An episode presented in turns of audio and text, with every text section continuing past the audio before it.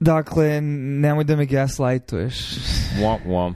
Ne, gledao si film skoro, čujem. Da, gledao sam film Gaslight, po kome je termin gaslighting a, dobio naziv, očigledno ti možda uputiš na istorijet korišćenja psihijatrijske literature, ali kolokvijalno se odnosi na a, nešto što je sada u vrlo širokoj upotrebi, možda je tvoj komentar da je i a, preširokoj upotrebi, da definicija više nije dovoljno jasna. Apsolutno. Gaslighting je termin koji je bio precizan i bio je reč za fenomen koji je postojao, postojao je mislim, film je zasnovan na britanskom komadu koji je početkom 20. veka izašao, film je kad iz 30. 40. godina, 44. Um, u filmu suprug želi da, da dovede svoju ženu do ludila, zato namerno radi neke stvari i onda dovodi u pitanje njenu interpretaciju tih stvari, tako da se ona zapita da li je normalna ili nije. Uh, primer za to je kada treperi gasno svetlo u, u, u kući i ona kaže kako ono, on, on natera svetlo da treperi, ona kaže ja vidi kako svetlo treperi, a on kaže šta, šta to pričaš ne treperi, o čemu se radi. Tako da su to tri stvari. Prvo, osoba koja je gaslighter napravi neku promenu u svetu.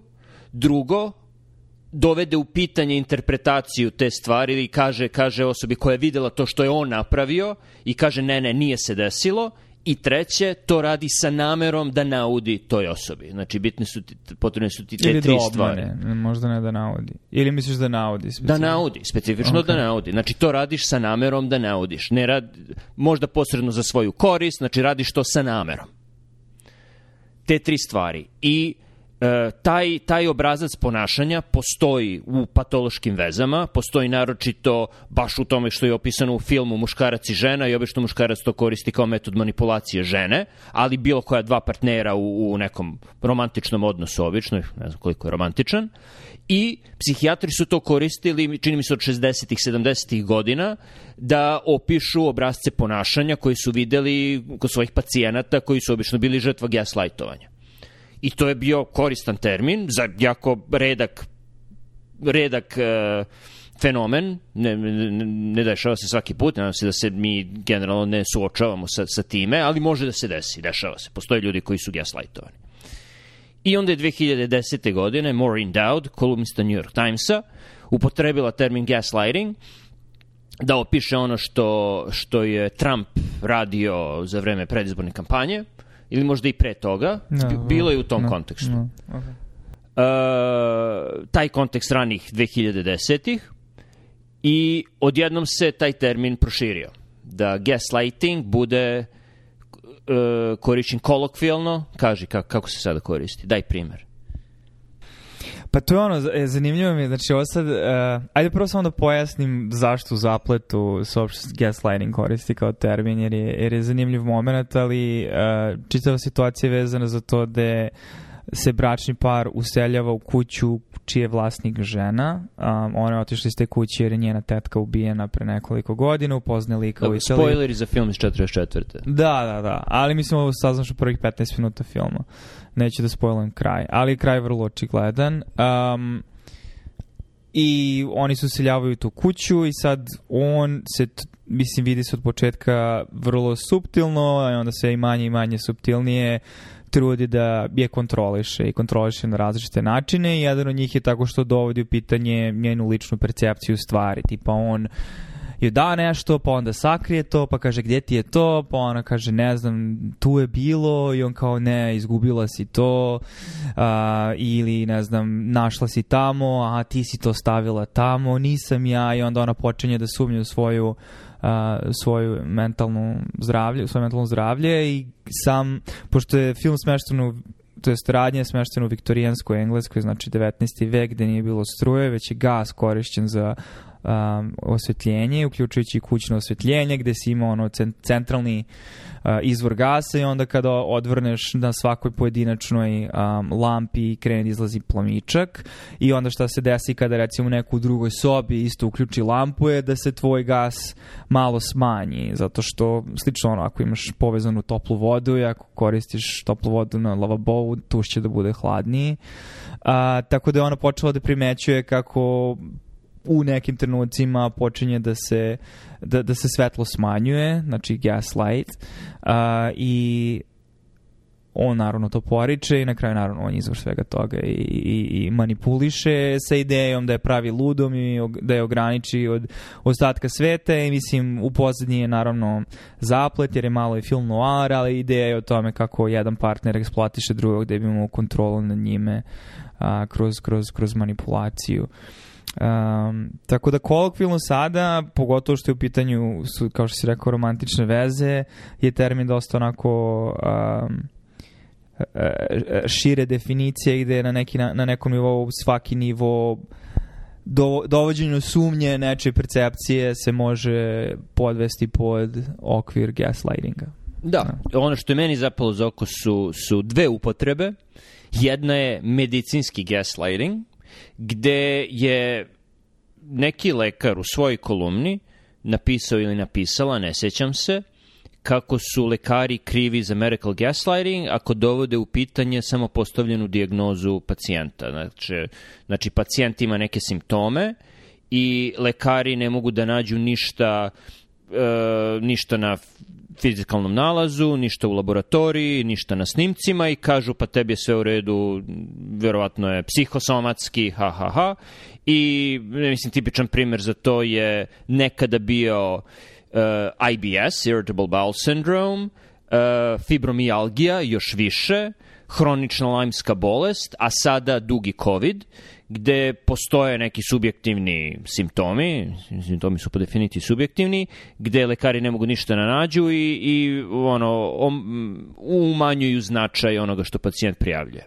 I u pitanju je stvaran fenomen, i u pitanju je verovatno nešto što se dešava na nivou stvari koje ne možemo da detektujemo. Mislim, za neke ljude jeste sve u njihovoj glavi, ali za dosta ljudi, uključujući i dugi COVID, verovatno postoji nešto što je patofiziološki, patofiziološki poremećeno, verovatno na nivou autonomnog nervnog sistema koji ne možemo toliko dobro da detektujemo i lekari u svojoj nemoći kažu a sve je u redu kao što je nekada uh, čir želuca ukus bio, bio stres, pi manje kafe, a u stvari je bila bakterija. Tako i sada verovatno za te stvari postoji nešto o čemu još ne znamo i, i a lekari vole da se prave da sve znaju, pa onda ako to ne znaju, znači da to ne postoji. Ali to nije gaslighting. Mislim, u pitanju je da se razumemo, loša stvar treba da prestane, ali nije gaslighting. Nije gaslighting jer ne ispunjava one tri stvari koji su u definiciji gaslightinga po pitanju izazivanja stvari koju dovodiš u sumnju i svoje koristi od dovođenja u sumnju, znači ispunjava samo ono da dovodiš nešto u pitanje. Ne može svako dovođenje stvari u pitanje da bude gaslighting. Znači, to je jedna stvar. E, druga stvar je roditelji gaslightuju svoju decu. Ovde već ulazimo u, u ono, ok, u pitanju je neki lični odnos, u pitanju je, mislim, roditelji mogu, u stanju su da, da gaslightuju decu, ali ono što je bilo kao gaslightovanje dece je ako dete pita nešto vezano za kontroverznu temu tipa e, pucnjeva u školama ili teroristički napadi ili to i roditelji u svojoj opet nemoći da objasne te stvari koje su na nekom nivou neobjašnjive, naročito neobjašnjive detetu od 5-6 godina zašto mora da se krije ispod klupe u školi. Oni izmišljaju neke priče I mislim, da, to je ono, kao dovodiš u pitanje to što objektivno postoji i onda malo zanemaruješ, smanjuješ značaj, da, ali opet, niti je roditelj izazvao to, osim ako nije otišao sa oružjem u, u školu da, da puca, niti to radi iz neke svoje koristi, više iz, iz nemoći, tako da ni to ne ispunjava kriterijuma za gaslighting. Da, ta, definitivno ta stvar, mislim, ova ta primjera Mislim, ja sam okej okay za proširenje same definicije, ali ne, ali ne u ovakvim kontekstima da se onda gubi smisao. Uh, mislim da ono, ima upotrebnu vrednost dokle god postoji u nekom novo poklapa se sa tvojim kriterijima, to je da mora da postoji dovođenje u pitanje nečije percepcije od osobe koja zna da je ta percepcija tačna sa namerom da izmanipulišeš ili iskriviš stvarnost ili čak dovedeš tu osobu da se zapita da li je on, da li ima zdrav razum ili ne. I, i na tom, mislim, ono, razmišljao sam da li na srpskom, da li postoje neki ekvivalent na srpskom, naravno nikada ne postoji ono apsolutni ekvivalent, ali postoje stvari koje imaju semantičkih poklapanja. Zanimljivo je da postoji jedan koji ima gotovo suprotnu valencu, to je recimo praviš se lud, koji može da bude neki oblik uh, nečega što bi potpalo po tu vrstu ponašanja u smislu tebe neko nešto bita kao gde si, jesi video to što se desilo, tako ne, ne, nisam ja ništa video, ništa to nije bilo. Tako da možeš se praviš lud, mislim da to, i, mislim, sličan je fenomen samo suprotne valence, ili možeš nekog da praviš ludim. Što se češće, ređe koristi kolokvilno, ali može da me ti praviš ludim sad, tako da to možda ima, ne, ne, ne znam šta misliš da postoji neki drugi ekvivalent na srpskom jeziku koji bi imao... Ne postoji, mislim da ono dosta odgovara da praviš nekoga ludim, da, to, to, to se poklapa, potrebno ti je više reči od jedne, ali, ali to je otprilike to. Ok, dakle kad smo kod gaslightinga, upravo je saslušanje u kongresu vezano za leteće tanjire. da identifikovane leteći objekt. Ne, ali zanimljiv je fenomen da, da, da se ovako nešto dešavalo 90-ih, bile bi nenormalne vesti, ljudi bi jako pričali o tome, ako ništa drugo, bez obzira na verodostojnost, razlog, zašto se ovo dešava sada, ako ništa drugo može da ti svedoči o kulturnom momentu ili društvenom momentu da činjenica da su ljudi vrlo sumnjičavi po pitanju da li uopšte, znači, no, ljudi spominju našli smo, ne znam, bilo je nekih isečaka kada su pričali tome da su našli neka strana tela, bla, bla, bla. Uh, I činjenica da je prva reakcija ljudi da ne veruju, barem ono što se vidio na društvenim mrežama prethodnih par dana, samo se odliči tome koliko je poverenje ljudi u, u vlast dramatično opalo, pogotovo posle COVID-a. Jer da je 90-ih ovako nešto izašlo, naravno bilo bi ljudi koji bi bili sumnjivi po tom pitanju, ali on, trubilo bi se na sva zvona, ljudi bi pričali o tome, a, vanzemaljci postoje, la, la. Mm, ne znam za tela, ali bilo je zanimljivo slušati stručnjak, ne, neko iz vojske je objašnjavao kongresmenu za vreme saslušanja. Ne znam da je kongresmen i senator, ne sjećam se koga, koga je ispitivao. Uh, ne, Raskin, Jamie Raskin koji je senator iz Marylanda. Uh, I pitao je Raskin, ok, ko, koji je, koji je tipična letelica neidentifikovana koju, koju, da li postoji neki, neki faktor koji je zajednički za većinu slučajeva i ovo I, I lik koji je to objašnjavao, koji je čini mi se iz Pentagona, je rekao da, postoji, u pitanju je siva kocka koja je oj, ojičena prozirnom loptom, tako da ivice kocke dodiruju loptu. I ovaj ga pitao, čekaj, čekaj, možeš da ponoviš to, da li sam te dobro čuo? I da, da, da, da, siva, siva kocka u prozirnoj lopti je najčešći slučaj neidentifikovanog letećeg objekta. Dakle, nisu u pitanju tanjiri, u pitanju su kocke u loptama. Wow. Ne mislim, to je sad, i ja sam u, u tom kampu gde ono, se pitam zašto se o ovome diskutuje sada i opet isti moment kao iz ono, filmova 90. Zašto se vanzemaljci viđaju u Americi, samo zašto... O, nisu ovo vanzemaljci, zašto misliš da su vanzemaljci? Pa ne mislim u pitanju da su su, Pa da, u pitanju su neidentifikovani objekti. Da, Pitanje je, mislim, sada može svako svašta da lansira u vazduh. Zašto u Americi? Zato što Amerikanci vole da lete u svojim mlaznjacima, vojska voli da testira nove, nove mlaznjake Ali misliš da Kina nema kontrolu svog vazdušnog prostora Mislim i da, da Kina redovno... ima kontrolu vazdušnog ali prostora, ali ima i kontrolu medija da. i kontrolu... Oh, htio bih da vidim saslušanje ovako neko u Kini. Mm. Tako da, da Amerika ima kombinaciju uh, letova i, i otvorenog koliko toliko razgovora o tim stvarima, tako da to može da se desi. Može svako da lansira svašta toliko visoko i, i da, mislim, da li postoje, verovatno postoje, da li su zemaljci 99,9% šanse nisu, šta je, da li je privatno ili je, ili je kinesko ili odakle je došlo, ne znam, ali, ali verovatno radi nešto i po onome što zvuči, ono zvuči kao neki dron ili šta god koji sakuplja ko zna kakve informacije, mislim. A, ali za, zašto, bi, zašto bi ti bio, mislim, ti, ti, ti bi hteo da ono što, čini mi se da, da je ugao iz koga ti gledaš to, sad su pokrenuli tu priču jer hoće da skrenu temu sa, sa čega, sa ne, ne, Huntera ili reci, Bidena. Ne, sa... ne, ili da jednostavno se opravda proširenje budžeta vojske ili mislim ono... Pa mislim da ne, nema Mm. potrebe za, za takvim opravdanjima kada ima aktivni rat u Evropi koji je ono jama bez dna, mogu da, da troše koliko... Š... Da nema toga u Ukrajini sada, da, mislim pokrenuli su to jer nam treba više para za vazdušni program, ali ovako mis- mislim da je odrešena kesa što se toga tiče. Mm. Tako da, da, da mislim da nije to pitanje. No. Ali zašto, dakle ne misliš da, da, da ali, Ne ali, znam, ali ne, da, priča možda je- možda je, isti, možda je istina, ne kažem, znači prvo ne- nemamo dovoljno informacija Ali misliš da uvek. to neko radi, ti si ali sumničar, misliš da to neko radi sa nekom svrhom. Timing, Da, da. ok, timing. Da, da, Ali da li ima neki timing koji ne bi to doveo u? Da, znači, da li takva vest kad se javi, da li može da se javi u nekom trenutku da tebi ne bude sumnjivo?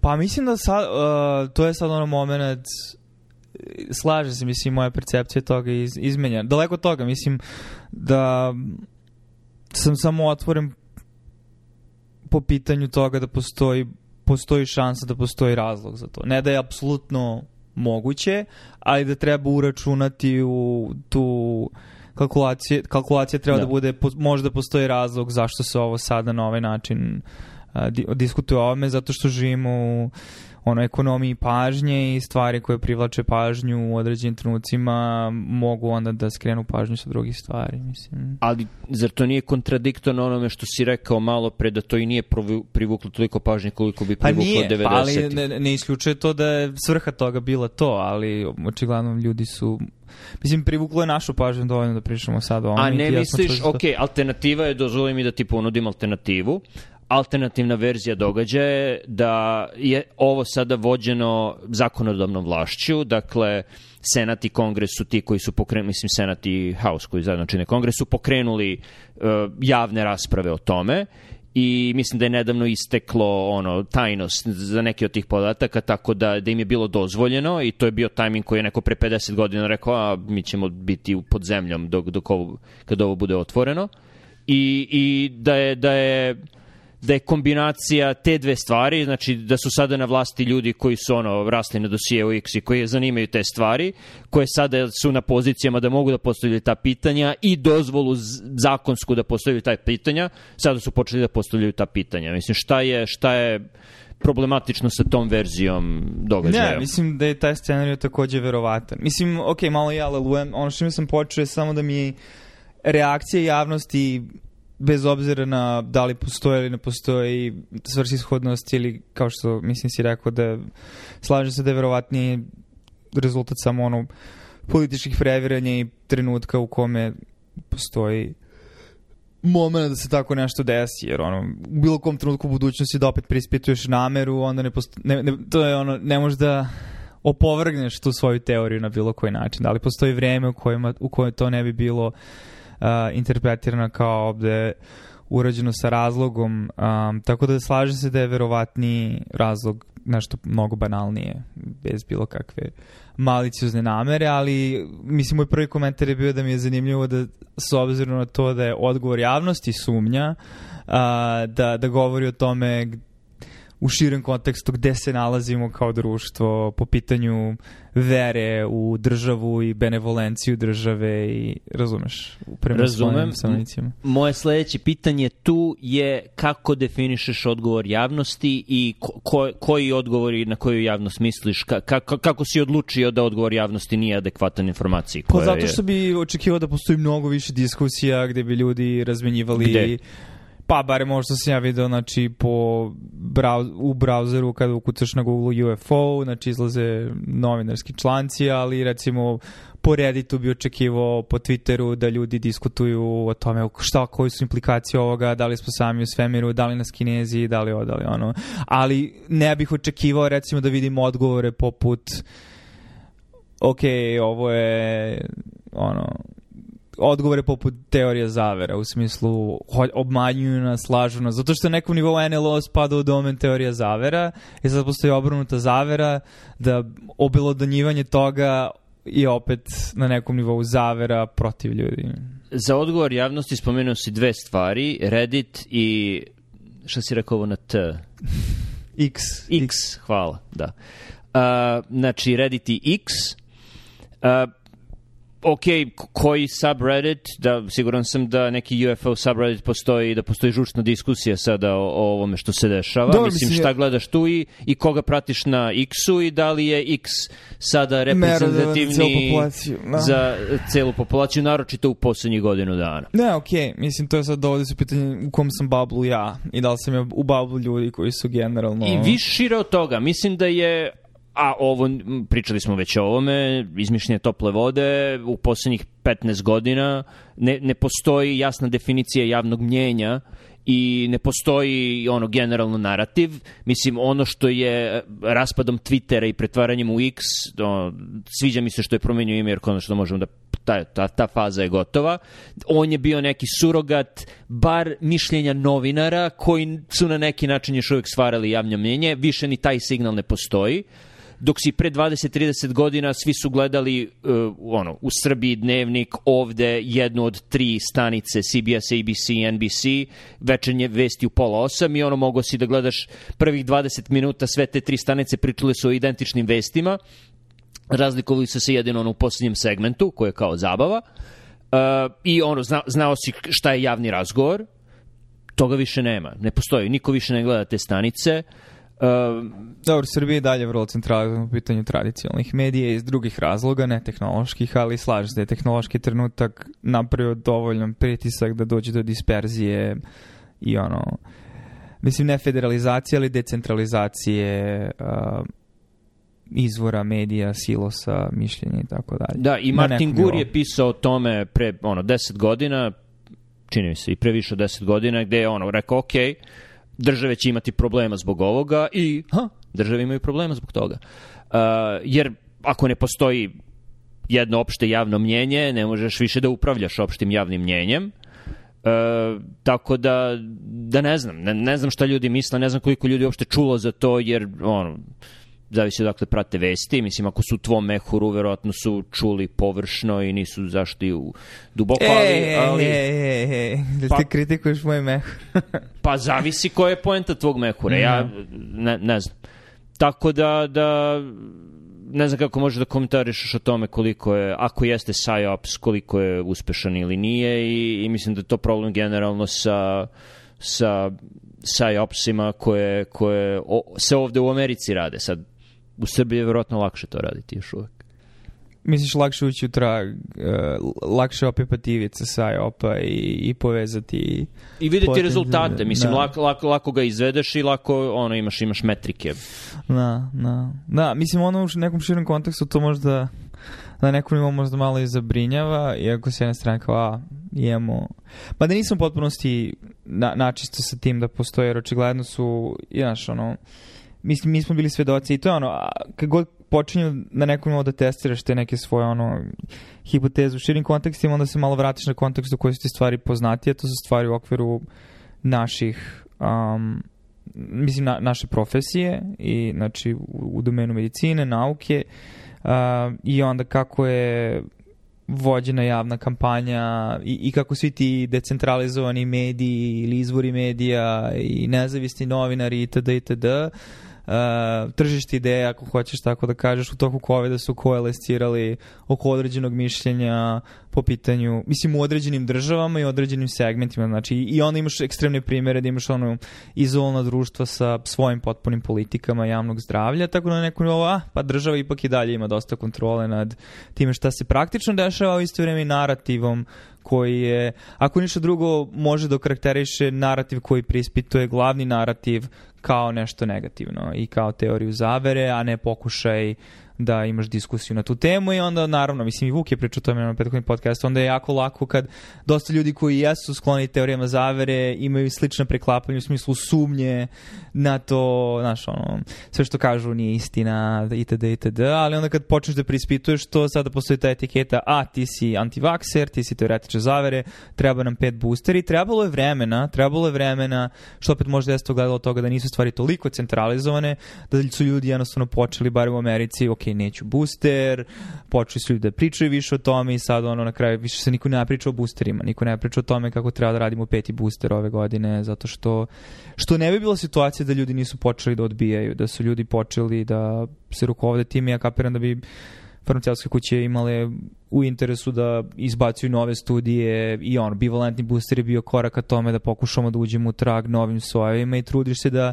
koliko god je moguće iz tog novog naslovog tržišta istisneš a, buduće profite, tako da a, u tom smislu mislim da je situacija malo komplikovanija, ali ono na što mislim da mi bilo zanimljivo da odgovoriš, a tiče se nečega što smo već spominjali, to je da internet kroz tu decentralizaciju je sličan opet Gutenbergu i, znaš, ono, igrao sam Pentiment skoro, onda si ti, ono, u svom malom izlovom selu da imaš crkvu i prepisuješ manuskripte, međutim, došla je štamparija i kad, kad je štamparija došla, svako je mogu da bira kakva će slova da stavlja, da prevodi, da prepisuje. Pismenost je porasla i samim tim odjednom svako ima svoju interpretaciju stvarnosti, što dovodi do društvenih nemira, zato što ljudi počinju da se svađaju oko ideja, ne postoji ono centralizovan skup ideja um, oko toga, tako da možda ulazimo u taj period, ne znam. Pa nadam se da neće biti identičan, ali nadam se da će bar biti ubrzan, jer je doveo do ono stogodišnjeg rata i krvoprolića u zapadnoj Evropi, koje je Srbija srećom izbegla jer je bila zaštićena otomanima. Sreće u nesreći. Mislim, ginuli su Srbi iz drugih razloga. A, slažem se i ono što je se desilo za vreme COVID-a, je da se iskristalisao stari sistem kao ono poslednji juriš starog sistema jer sada je šansa da se pokaže kako je bilo i to je bilo centralizovano, svi gledaju iste vesti, svi su na istoj talasnoj dužini, svi znaju šta se dešava i, i to je ono podsjetilo i nekim ljudima je to siguran sam onaj period 2020. mart do maj, jun, koliko god traumatičan bio, u neke, sa neke strane bio i, i ono utešan, jer si se vratio u vreme 90. godina i pre toga, kada su svi bili, svi su gledali iste vesti, svi su isto vreme znali šta se dešava i, i, i svi su znali koji je opšti, opšti javni razgovor. Ali se to brzo razbilo i razbilo se baš zbog interneta, koji je omogućio stvaranje mehura, mini mehura, više ti nije potreban jedan veliki mehur i, i to je uh, ono opasno iz očiglednih razloga i, i mislim da će dovesti do problema, mislim već dovodi do problema i nadam se da neće dovesti do problema sa ono, međusobnim ubijanjem kao što je bilo u Evropi u ono 14. 15. veku, 15. i 16. veku u stvari. Uh, ali, ali, ali mislim da sada prolazimo kroz to. Da, ali ono što je čudno je zanimljivo opet s jedne strane drugačije zato što se iste sve te ideje mnogo brže šire i samim tim mnogo brže mogu da evoluiraju, ali mnogo brže mogu i da koalesciraju i da se lepe jedna na drugu i da onda imaš konglomerat. Ne znam, neko vidim sad ovu polarizovanost kao ono konglomerat različitih monstruoznosti i, i kao ne znam, ono, ako ćeš da posmatraš kulturne ratove u Americi po znacima navoda da je levica tu malo bila ispred po pitanju formiranja narativa, formiranja onda kao da je desnice ili nazove kako baš crveni su uh, kasnili sa tom igrom na internetu i onda su oni krenuli sad, ali sad vidim isto tendencije tu siluiranja uh, ono zakona čistoće u smislu ovo je način na koji mi razmišljamo ako razmišljaš drugačije ti si ono i jako imamo znači i dalje imamo taj neki jako primitivan odnos uh, na, na, na nivou kako se samo organizujemo, kako vidimo sebe i svoj identitet i grupni identitet, jako lako ulazimo u, u, u tu um, jako lako preuzimamo na sebe identitet grupe, jer onda mnogo lakše ti si u grupi, sve što je van grupe je van i samim tim je strano, i ako je strano onda je potencijalno opasno, potencijalno je neprijatelj i onda sad uh, na nekom nivou možda nećemo imati desetine ili tuca različitih ono potencijalnih subkultura i ideja, nego ono kolesciranje oko dva bloba koji se međusobno ono, gde na marginama postoji neka konverzacija i razmena stvari, ali kao ok, jedan blob je vratimo se tradiciji koja nikad nije postojala, zabranimo sve moguće abortuse i ovo, imamo potpunu kontrolu nad reprodukcijom žena, uh, dok je drugi blob, hajde da prekinemo sve moguće granice, potpuno promenimo društvo, izokrenemo i smislimo novo društvo koje će biti fair i pravedno. To je neka ono glo, široka ideja, a sve pod okriljem i jedno i drugo na kraju sve pod okriljem globalnog kapitalizma. Samo treba naći način koji je to proizvod koji će ljudi kupovati ili tržište koje će postojati u budućnosti. Um, tako da ne, ne, ne znam, hoću kažem, nije mi isključeno da ćemo možda imati samo nekoliko, možda neće biti dva, ali bit će oligokulture, što je možda i opasnije jer onda imaš ljudi koji se u, u, u, ukrštaju u, ne? Mislim Misliš da da, ne. će biti Mislim- velika diversifikacija? Ne, mi, mi, mislim da... Um, mislim da si suviše izložen i dalje e, digitalnoj stvarnosti i da, to su dva stava koja su predominantna na digitalnim medijima kao karikature. Dve karikature, to su stavovi koje većina ljudi interno ne zauzima i kada dođe vreme ono da se glasa, da, da, da kada dođe vreme da menjaš fizičku stvarnost, nećeš je menjati po tim principima generalno. Mm, ne znam baš. Mislim, to je ono moment da da, ne živimo ne živimo u digitalnom svetu fizički, ali u vreme nekako živimo jer nam oblikuje stvarno sve što čitaš, sve što gledaš, oblikuje tvoje viđenje stvarnosti, tako da iako kada počneš da podlačiš crte u, Mm. u okviru tih imaginarnih digitalnih svetova deluje ono kao karikatura, opet utiče na to kako se ljudi odnose jedni prema drugima. Mislim. A mislim da to polako, to polako uh, kada to, to, to ljudi pokušavaju posljednjih nekoliko godina konkretno da pretoče u stvarnost i ne uspevaju. Uh, ne uspevaju na dva načina. Prvi način je sa, sa ono leve strane da je Anheuser-Busch stavio, uh, mislim, ne, nekog, uh, neku trans ženu na, na limenke Mm. kao promociju toga i... i Misliš za Bud Light? da, pivo, da, na Bud Light i prodaja im je masovno opala. Uh, to je primjer sa te strane. Primjer sa desne strane je kampanja Rona DeSantisa koji je apsolutno krenuo kao anti-woke, mi smo desnica i on ne, nije uspeo kao kandidat, nema nikakvo interesovanje, neće to pretočiti u bilo šta na izborima. Tako da jedno je teorije, jedno je kako se ljudi ponašaju online i jedno je taj digitalni život ljudi i da tu se nagrađuju ekstremi. Drugo je šta ljudi stvarno rade, Uh, i, i mislim da se ne ponašaju po tim obrazcima i mislim da postoji, postoji definitivno ljudi imaju više identiteta i identiteti koje imaju online nisu identiteti koje imaju u stvarnosti. Da, da. Mislim, da, slažem se, mislim to u smislu da teza koju sam izložio nije u potpunosti ono, apsolutno čvrsta i, i da je verovatno kombinacija stvari, ali da možda tvoj argument je da je uticaj online persona na nekom nivou možda daleko manje bitan, jer i dalje imamo fizičku stvarnost, fizičke odnose, mesta na kojima živimo, kulturu, tradiciju u, neutralnom smislu, u smislu jednostavno načina koji je grad organizovan, funkcionisanje života u gradu ili lokacije Da. na kojoj se nalaziš. I u nekim situacijama te ideologije spektakularno propadaju. Znači, primjer spektakularnog propadanja leve ideologije je San Francisco u velikoj meri, u manjoj meri DC, gde si imao one um, odbornike, council members, koji su 2020. godine zastupali ono, defund the police, znači bukvalno su kao da, da, pričali smo o defundingu i to je apsolutno i smanjili su budžet policije 15 za 15 miliona, što je ogromna suma za, za grad veličine DC-a.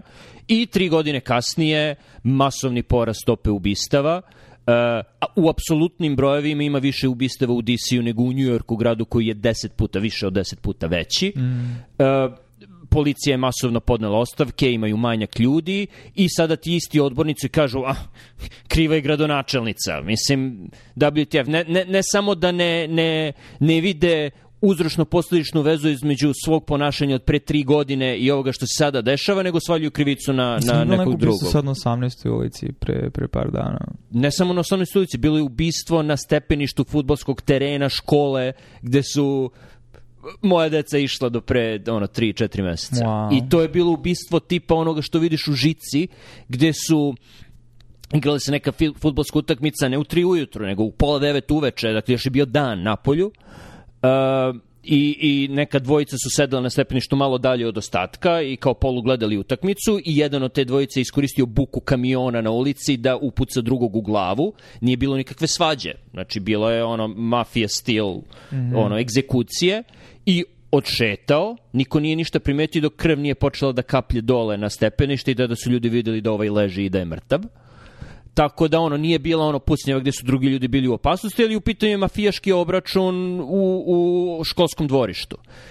I, i, i da, i, i to se desilo u reonu odbornice koja je pre tri godine pričala defund MPD, kao smanji, smanji budžet policije ok, možda ne praviš ovaj argument, ali možda na nekom nivou ga praviš ili imaš tu intuiciju, pa ajde da, da, da, da, da iskristališem. Znači, na nekom nivou možda prisustvo ovih novih veze i, i, i brzine transfera informacija dozvoljava da loši eksperimenti imaju brži, bržu petlju, znači da brže shvatimo, jer brže ispravimo informacije, ok, stvari su de facto gore, imamo statistiku, te samim tim možemo da okrenemo pravac Da, jer jedna stvar je da ti online se zalažeš, stavljaš emojije koji zastupaju jednu ili drugu stvar i da se zalažeš za to. Mislim, da, da, da kompletiram krug, spektakularna propast desne ideologije je činjenica da je budžet crvenih pod navodnicima država koje su